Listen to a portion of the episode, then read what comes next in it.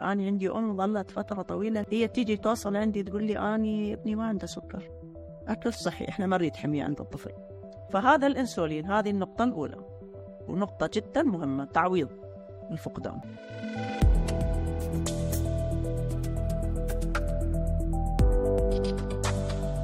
كيف حالك يا أستاذ؟ الحمد لله رب الله العالمين. يخليك. شكرا والله على جيتك يعني. نعم. صراحة مقدرين جدا جيتك وإن شاء الله الله يسلمك. آه، تعمل فائده للجميع. إن شاء الله. إحنا هنتكلم عن مواضيع جدا مهمة. أي. آه طبعا موضوع داء السكري عند الأطفال. نعم. آه موضوع جدا مهم و... و- ومهم في التعامل مع مع الأطفال. طبعا. ففي الأول هو طبعا داء السكري عند الأطفال هو وراثي بحت يا دكتور؟ لا. إحنا آه، مرض السكر هو من الأمراض اللي هو يسموه متعدد الأسباب. يعني ما في سبب واحد علشان إحنا نقدر نمنعه ونمنع المرض.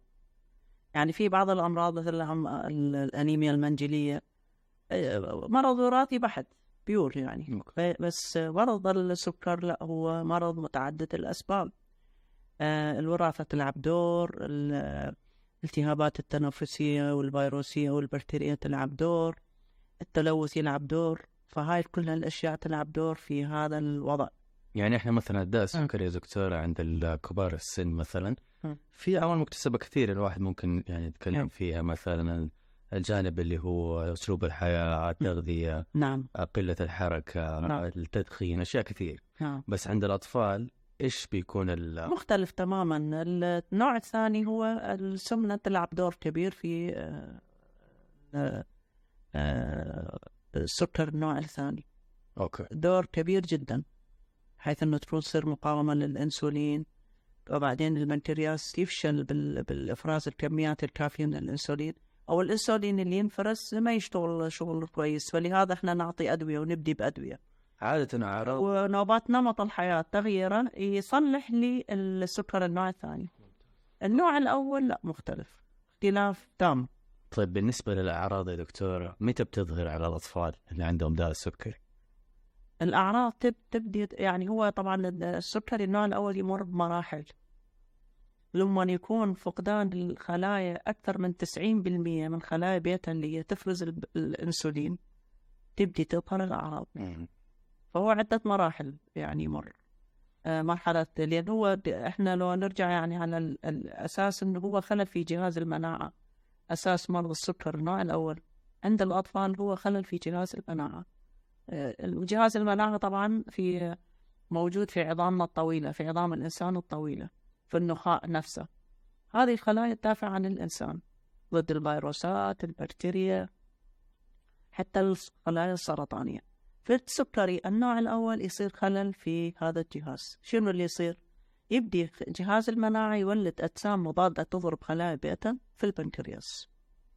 خلايا بيتا هي خلايا موجودة في يسموها islets لانجرهانس جزر لانجرهانس آه، مع مجموعة خلايا أخرى ألفا وأكو ألفا ودلتا وجاما هي بيتا. فهن أربع أنواع من الخلايا. كل خلية تفرز نوع من أنواع الهرمونات. أهمهن خلايا بيتا الكمية الأكبر هي خلايا بيتا والإنسولين والهرمون اللي يفرز أكثر هو هرمون الإنسولين من البنكرياس طبعا إحنا مثل ما نعرف البنكرياس هو غدة هاضمة. آه، غدة هاضمة تصير خلف المعدة. بالضبط. خلف خلف معدة الإنسان. وحواليها ال- الأمعاء الدقيقة. من يأكل الإنسان يتحفز البنكرياس يفرز أنزيمات هاضمة. بنفس الوقت تتحفز خلايا بيتا تفرز الأنسولين. في النوع السكري النوع الأول خلايا بيتا الأجسام المضادة تروح إلى خلايا بيتا وتقتلها. تقتلها تدريجيا إلى أن تختفي الخلايا.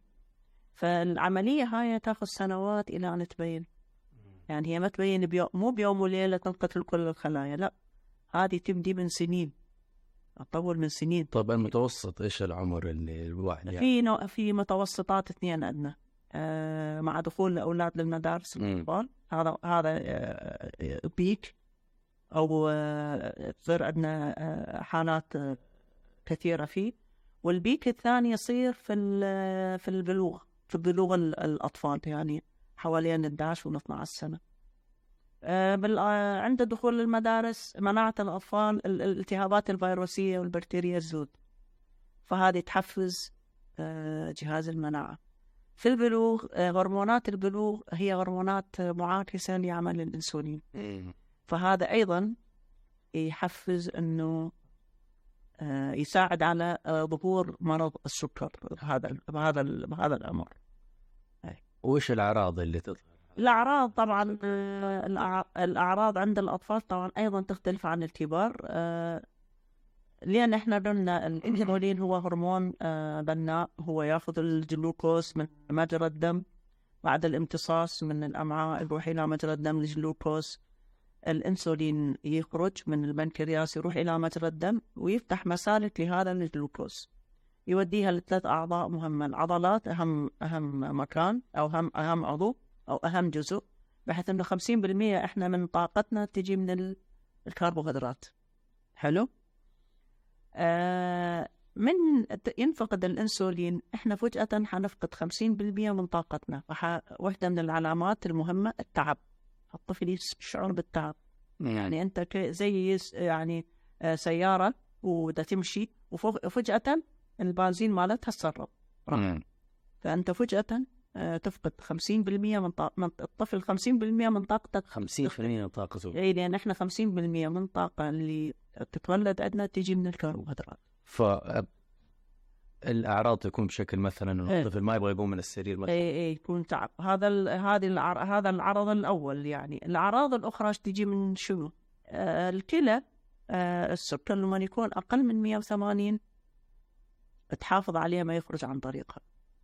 فوق ال 180 بعد ما تسيطر عليه. مم. يعني يكون آه فوق آه قدرتها على ال... ال... ال...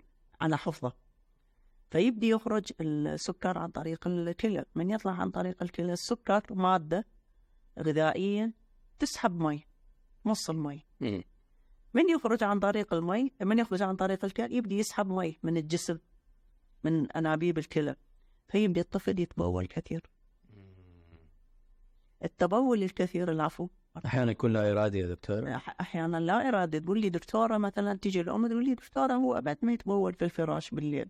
الآن بدأ ولدي يتبول. يعني ولدي ما يتبول سيطر على الحمام وبدأ يعني الفراش مالته نظيف من سنة من سنتين نفرض مثلا عمر الطفل ست سنوات.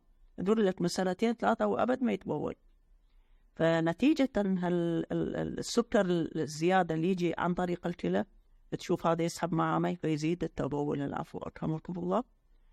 هذا التبول الكثير يخلي الطفل يفقد سوائل كثيرة. حلو؟ فتشوف حاجة متعلقة بحاجة. فقدان السوائل الكثيرة تخلي وزن الطفل. ينزل. هذا عرض. هذا عرض ثالث. طيب. فوزن الطفل ينزل. ليش ينزل وزن الطفل؟ 60% من وزن الإنسان. ماء ماء زين هو ده يفقد ماء الطفل ده يفقد سوائل كثيرة.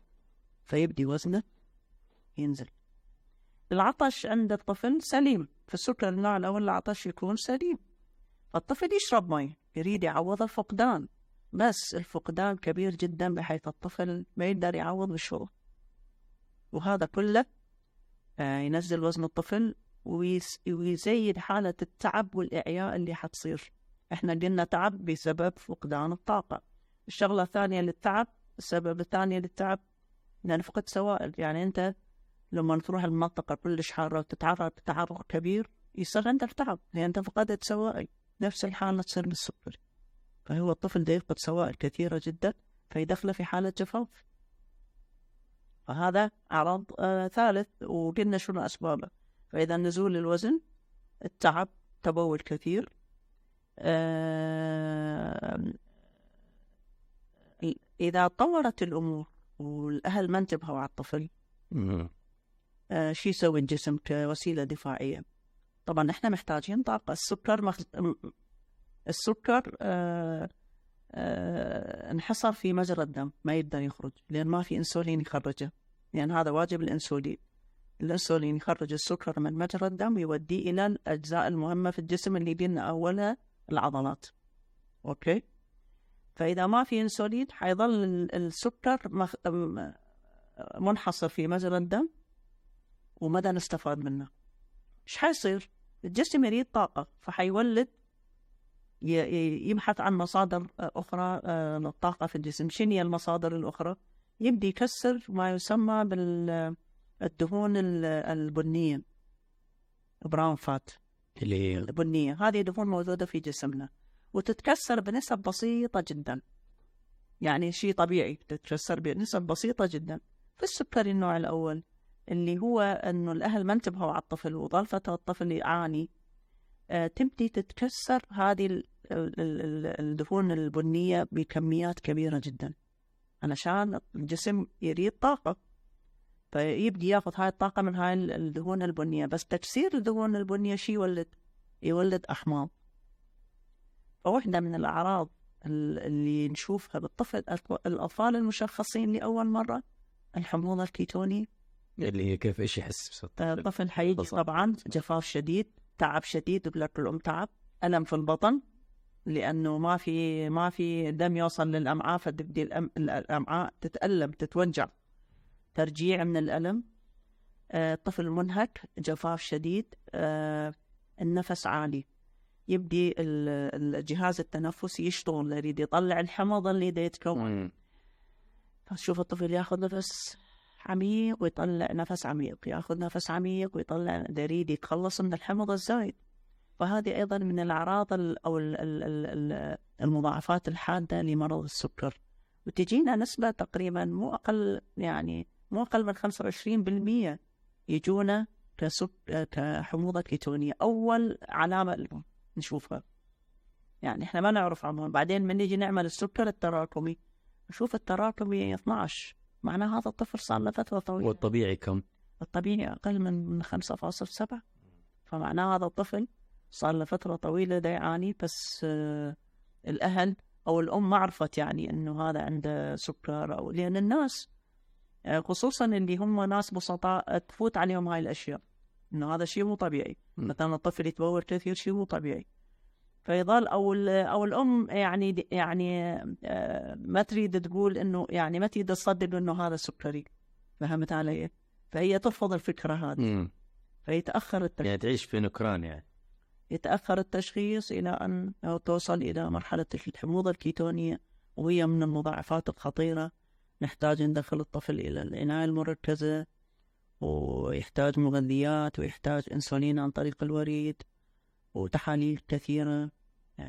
طيب إحنا كيف بنتعامل في إدارة آه، داء السكري عند الأطفال؟ يعني إيه- أو بيجيك الطفل خلاص عرفتي إنه هو مصاب بداء السكري كيف بنتعامل؟ كيف أنتوا كأطباء إيش البرنامج اللي بتهيئونه؟ طبعا إحنا اني بالنسبة لي اني فلسفتي عن السكر النوع الأول فلسفتي الشخصيه إن شاء الله. يعني بعض المعلومات طبعا ماخذيها إحنا من المصادر بس في أشياء اني من عندي يعني من خلال تجربتي يعني اني صار لي تقريبا من 2007 يعني تقريبا 16 سنة اعالج السكري النوع الأول. دائما أقول للأمهات خمسة أشياء. الشيء الأول الإنسولين. بما إنه إحنا خلايا بيتا راحت من من الجسم والإنسولين فقد لازم أعوض. الفقدان اعوضه بإنسولين خارجي. وطبعا متوفر الآن عندنا الإنسولينات أنواع وأشكال و...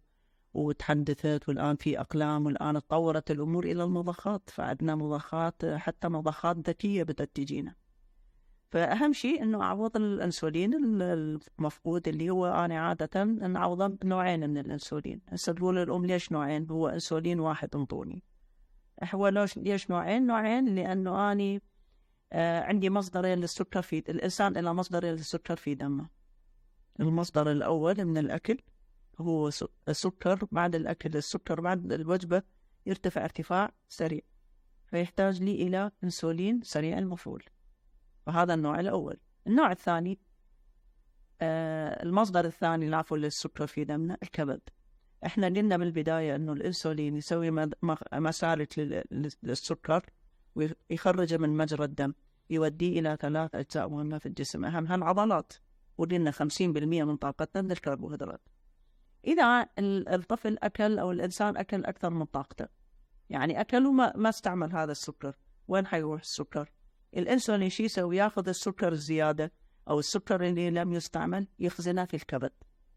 ليش يخزنها في الكبد؟ دائما أنا أسأل الأمهات أريدهم هم يجاوبوني. بعضهم يجاوبون ذكيات جدا وبعضهم بتقول ما أعرف يا دكتورة. طبعا مخزون الكبد هذا آه لما إحنا ننام أو نصوم ونيجي الصباح نحلل سكرنا نلقى السكر آه، طبيعي. زين منين جانا هذا السكر؟ إحنا نايمين تسع ساعات ثمان ساعات مرات عشر ساعات. نجي نحلل السكر نلقى السكر ثمانين. زين من اجى هذا السكر؟ اجى من مخزون الكبد اللي انخزن في وقت سابق. لما أكلنا وجبات أكثر من طاقتنا أو أكلنا ما ما مارسنا أي نشاط آه، نشاط حركي أو علشان نستهلك هذا. فهذا يسموه السكر الأساسي. شو يسموه السكر الأساسي. نستفاد منه في الصوم ونستفاد منه في النوم. الصوم اللي هو شهر واحد بال بالسنة. وهنا في ناس الصوم يعني شهريا. ونستفاد منه لما نكون نايمين. فهذا السكر الأساسي أيضا يرتفع إذا ما في أنسولين. آه، بالإنسان الطبيعي الأنسولين بس يرتفع شوي. الأنسولين الطبيعي ينفرز ويخليه ينزل. بس بالطفل اللي عنده سكر نوع أول حيرتفع ويظل يرتفع ارتفاع آه، بطيء بس يرتفع ويأثر لي على التراكمي بال بال بال بالنتيجة. فيراد إنسولين آه، بطيء زيه. منه اللي شو نسميه؟ إحنا نسميه المنظم. ينطي مرة واحدة باليوم آه فأيضا يسيطر لي عليه. السريع المفعول ينطي كل وجبة. يعني كل ما أرتفع السكر لازم أني أنطي قبل ما يأكل الطفل أنطي سريع المفعول علشان من يبدي يأكل سريع المفعول يكون اشتغل وينزل لي السكر في الدم. ممتاز. فهذا الإنسولين هذه النقطة الأولى. ونقطة جدا مهمة تعويض الفقدان. وهو نقطة أساسية في العلاج. الشغلة الثانية التحليل. قبل الوجبة وبعد الوجبة. قبل الوجبة آه، تصير عندي فكرة عن شغل الأنسولين طويل الأمد أو المنظم. وبعد الوجبة تصير عندي فكرة هل سريع المفعول اللي أنا نطيته هو كافي أم غير كافي؟ فبهاي الطريقة أني أعير الجرعة مالت الطفل. طبعا إحنا آه، في طريقة نسميها حساب الكربوهيدرات ونستخدمها في فقيه. أي مريض يجينا مسكر مصاب بالسكر النوع الأول سواء تنويم أو مريض جديد بدون تنويم نعلمه على حساب الكربوهيدرات من أول يوم. من أول يوم نبلش معاهم حساب كربوهيدرات علشان يحسبون وعلى حساب الكربوهيدرات ياخذون الإنسولين السريع الوجبة. المنظم ما يحتاج حساب كربوهيدرات لأنه ياثر لي على السكر الاساسي طيب هل ده السكر عند الاطفال ممكن يأثر على مثلا ممارساته اليومية اللعب مع أصحابه؟ آه عادة لا. عادة لا الناس يعني السكر النوع الأول آه، يعني هو يعني الآن في الدول المتقدمة ويعني متى يعتبروه مرض وده يحد من إمكانياتهم الرياضية إمكانياتهم العلمية نشاطهم؟ أبدا. آه، فأني ما أمنع أي طفل عن الممارسة عندي بعض الأولاد يمارسون كرة قدم. كرة قدم مع العلم هي طبعا هو يقول لك بالسكري النوع الأول ما نريد نشاط آه، شديد. أوكي. آه، لأن النشاط الشديد يمكن يأثر على على شغل الأنسولين أو يأثر على السكر فيرفعه آه، والنشاط الشديد احتمال يعمل ارتفاعات واحتمال يعمل يعمل انخفاضات. اللي ينصح به نشاط خفيف إلى متوسط. لا بأس به. لأن إحنا نريد الطفل يكون نشيط. إذا ما كان نشيط نريد نشاط العادي إذا ما كان نشيط. إحنا حندخل في مشكلة أخرى اللي هي زيادة الوزن. واللي هي تصير بالأطفال اللي عندهم سكري الأطفال الاعتياديين اللي ما عندهم سكري ويصير بالأطفال اللي عندهم سكري. يعني أنا لازم أخلي الطفل يكون عنده نشاط. بس آخذ محاذير بيها. يعني قبل النشاط مثلا إذا كان نشاط متوسط خليه يريد يلعب كرة قدم لمدة نص ساعة يعني مو فترة طويلة. لازم يقيس سكره قبل اللعب ياخذ معاه وجبات خفيفة. ياخذ معاه عصير علشان يتفادى هبوط السكر ولازم أول ما. قبل ما يلعب إنه يتأكد السكر مالته ضمن النطاق المطلوب يعني ما يكون مرتفع ويروح يلعب لأن إذا راح يلعب وي... مرتفع وراح يلعب السكر حيزود زيادة كبيرة احتمال وإذا ما انخفض وراح يلعب السكر حينخفض انخفاض شديد فإحنا لا نريد ارتفاع ولا نريد انخفاض فهمت علي؟ آه، أيضا لازم تخلي ببالها الأم أنه الرياضة آه، بعض تأثيرات الرياضة. طبعا كل طفل يتفاعل مع الرياضة يختلف عن الطفل الآخر. أكو طفل تسوي عنده انخفاض أكو طفل آه، دخل بالرياضة وهو سكره تمام بس ارتفاع سكره. فكل طفل أيضا يتفاعل مع رياضة تفاعل يختلف عن الطفل الآخر. نوبات الرياضة يستمد يمتد أثرها بتنزيل السكر ويسوي هبوطات إلى فترة 12 ساعة. فلازم الأم أيضا تدير بالها. يعني تقولي مثلا دكتورة شو بالأسبوع مرة مرتين يجي له هبوط شديد. أقول يلعب رياضة بذاك اليوم عنده درس راح تلعب كورة تقول لي إيه دكتورة؟ عنده كان درس رياضة. فأقول لها أنت التأثير الرياضة احتمال تخفيض السكر يمتد إلى 12 ساعة فلازم أنت تديرين بالك. أه تعطي وجبات خفيفة. إذا ما فادت الوجبات الخفيفة وتتعمل هبوطات نزلي المنظم بهذاك اليوم بدل ما تعطيه جرعته الكاملة نزلي على الأقل وحدة واحدة علشان ما يدخل في الانخفاضات. طيب إيش تأثير السمنة على الأطفال اللي عندهم السكري؟ السمنة أه كل ما زاد يعني كل ما زاد حجم الجسم كل ما زاد الاحتياج للأنسولين. الطفل اللي وزنه اعتيادي حيحتاج أنسولين أقل من الطفل اللي وزنه كبير. وزيادة الجرع أيضا شغلة يعني إحنا نعطي الاحتياج مالت الطفل. بس أيضا آه، زيادة الجرع زيادة الوزن هي شغلة غير صحية بتاتا. حتخلي الإنسولين اللي انطيه للطفل الغير مليان. يعني الطفل اللي هو مو ما عنده سمنة مثلا خلينا نقول احتياجه اليومي 30 وحدة. نفس العمر الطفل الآخر بس عنده سمنة ما راح يحتاج 30 حيحتاج 40 حيحتاج جرعة أكبر عدا التأثيرات السمنة بحد ذاتها. يعني فحتصير مقاومة للإنسولين مع السمنة. فإحنا لازم يعني لازم نكون حذرين بالنسبة لهذه النقطة. آه بعض الأولاد شنو يصير عندنا؟ يأكل ويحقن يأكل ويحقن يأكل ويحقن.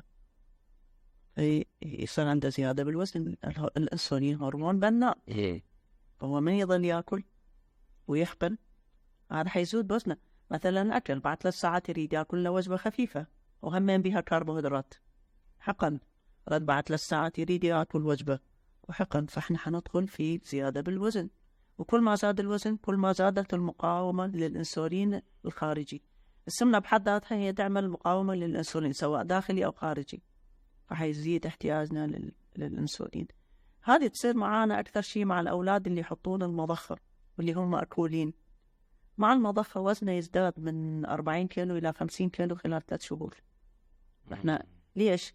لأن الإدخال ما في كربوهيدرات أسهل من الحقن. المضخة هي تحقن بنفسها. فهو شي يسوي؟ يأكل ويحط المغرامات وتحقن الضخ المضخة. ياكل ويحط غرامات يعني عدد الغرامات أكل 100 غرام بعد شوية أكل 200 غرام. فحيظل يحقن يحقن إلى أن يجيني بعد ثلاث أربع شهور وزنه زايد لي 10 كيلوات. وهذا شيء غير صحيح. يعني أنا أيضا أريد أتفادى السمنة لأن السمنة لها تأثيرات أخرى عدا مقاومة الأنسولين عدا ازدياد الدهون في الجسم عدا التأثير على مفاصل الطفل عدا التأثير على التنفس. Okay. صحيح. طيب يا دكتور إحنا مثلا في حالات داء السكري عند الكبار بنشوف مثلا القدم السكرية هي. بنشوف أحيانا الحالات أحيانا تتفاقم توصل لفشل كلوي و... وأثر في النظر كمان وما إلى ذلك يعني نعم هل بنشوف هذه الحالات عند الأطفال أحيانا؟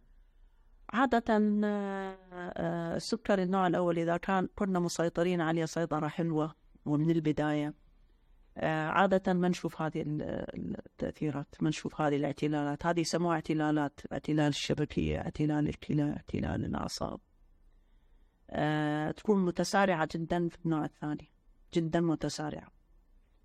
أه بس إذا كانت السيطرة سيئة أيضا حتبدي تصير آه الاعتلالات ما تكون متسارعة جدا بالنوع الأول بس مع سوء سوء ال السيطرة وارتفاعات مستمرة تراكمي جدا عالي فترات طويلة.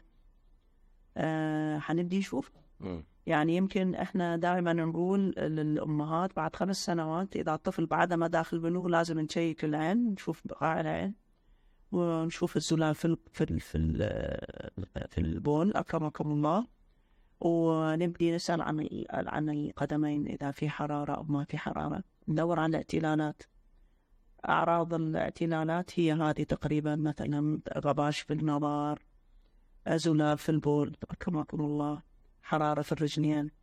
فأني آه، أبدي فترة طويلة أبدي أسأل عليها حتى لو كان الطفل مسيطر. آه، ونسأل عليها مبكرا بالأطفال اللي هم في البلوغ لأن مع البلوغ هذه اعتلالات تزيد. وبالأطفال اللي ما مسيطرين اللي التراكم مالتهم دائما. فوق النطاق المطلوب. آه، في شغلة بالنسبة للسكري السكر التراكمي للأطفال. آه، إحنا طبعا إحنا مريض السكر التراكمي بالنسبة للأطفال يكون ضمن زي الطبيعي ما نقدر ما راح نوصل للطبيعي. بس إحنا نحط نحط نطاقات مختلفة حسب العمر يعني مثلا اللي أطفال أقل من آه، ثلاث أربع سنوات تريد التراكمي وأكثر من ثمانية ونص. اللي بين أربعة إلى ستة أو سبعة آه، نريده بين ثمانية ونص إلى سبعة ونص مو, مو, مو أكثر من سبعة ونص مثلا. العفو لا اللي آه، تحت الأربع سنوات مو أكثر من ثمانية تحت بين أربعة أو خمسة إلى ثمان تسع سنوات عشرة نريده مو أقل من سبعة ونص.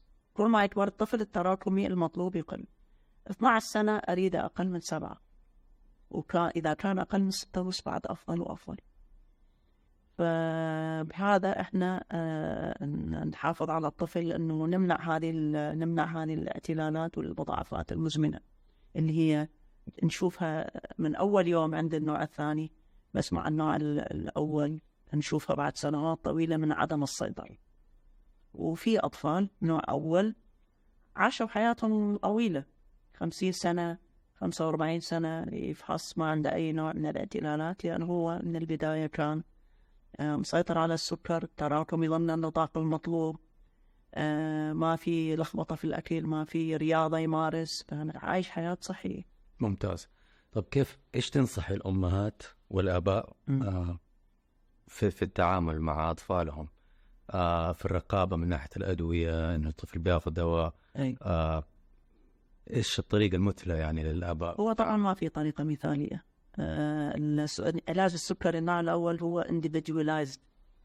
يعني شنو معنى individualized؟ كل طفل إلى برنامجه الخاص إلى خطته الخاصة ما في خطة عامة للجميع.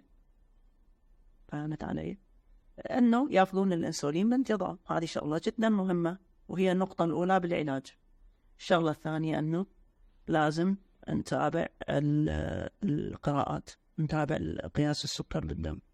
قبل الوجبة وبعد الوجبة. جدا مهمة وضرورية.